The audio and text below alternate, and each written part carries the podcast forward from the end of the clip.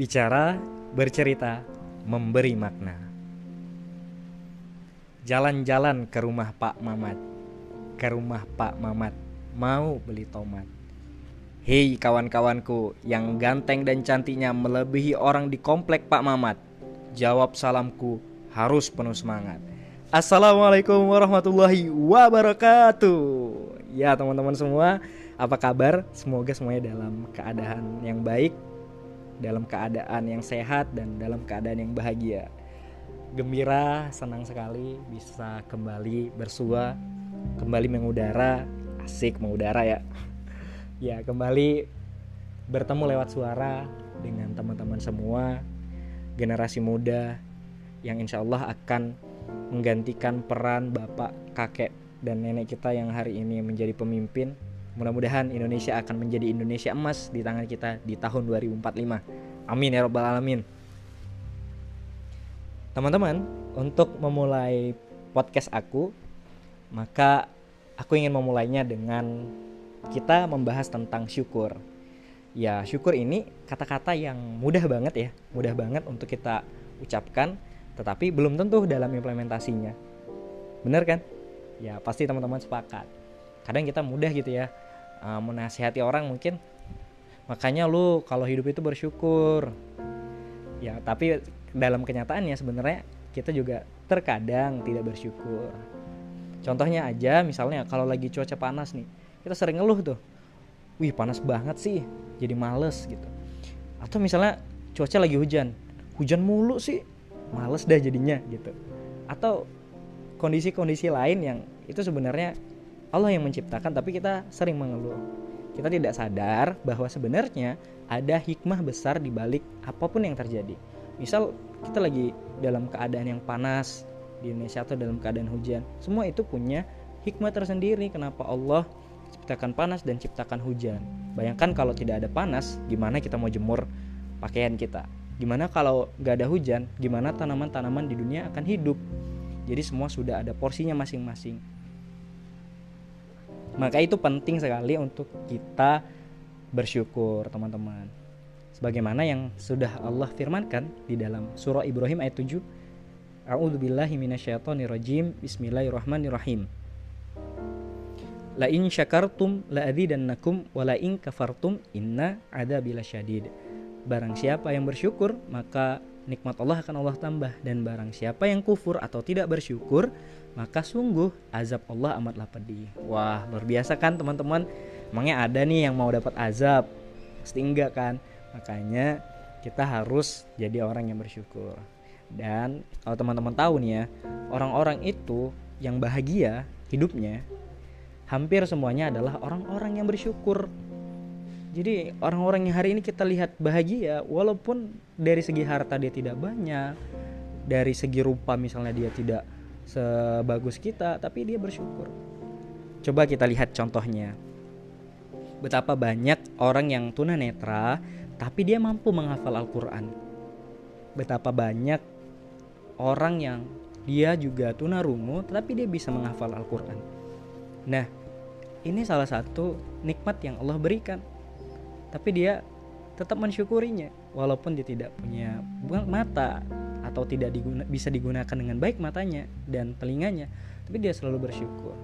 Banyak sekali hal-hal yang terkadang karena satu musibah kita lupa mensyukuri nikmat-nikmat Allah yang lainnya. Padahal nikmat itu jauh lebih lebih luar biasa daripada musibah yang mungkin kita sedang rasakan.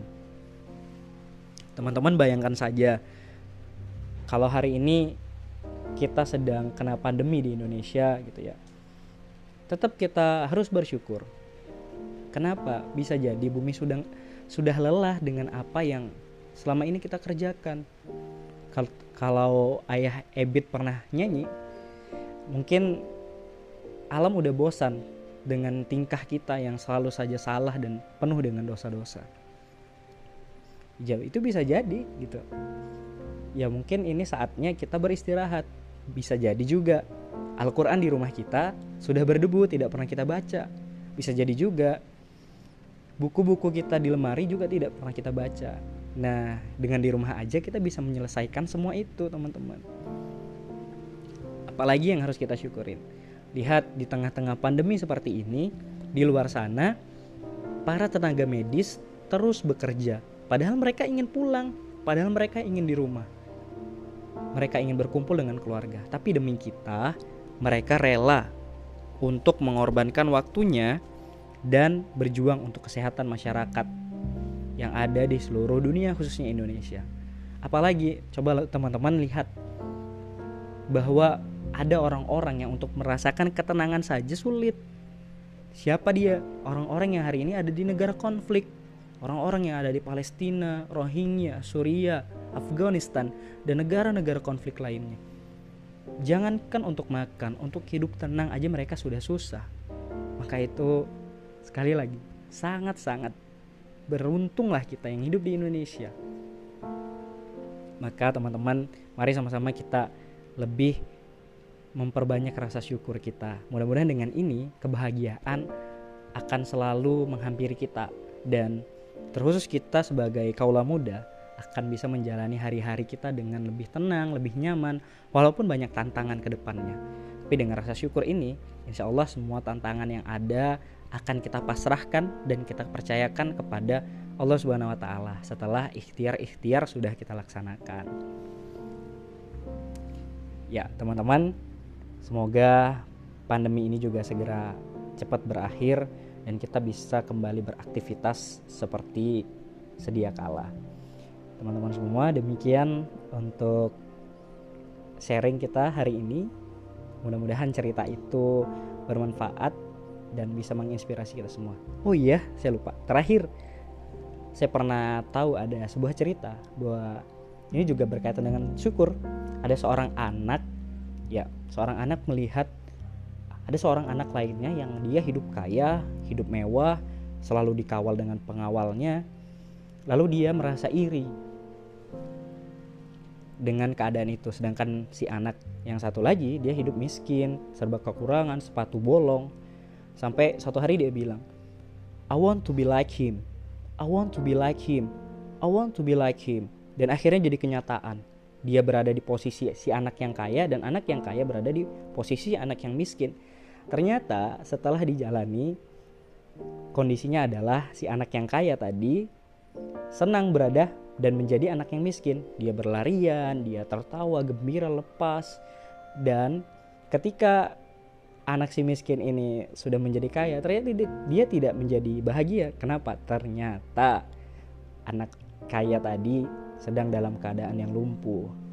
Dan anak yang miskin tadi walaupun dia tidak punya harta yang banyak tetapi dia punya kebahagiaan berupa kesehatan.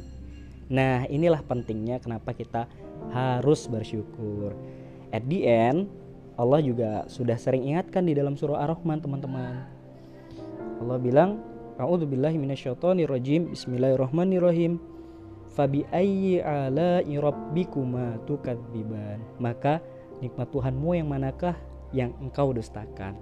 Di situ Allah banyak sebutkan nikmat-nikmat Allah. Semoga kita tidak termasuk daripada umat-umat Rasulullah yang mendustakan nikmat-nikmat Allah. Teman-teman, ayo mari sama-sama berbenah. Sekian sampai jumpa di podcast berikutnya. Assalamualaikum warahmatullahi wabarakatuh.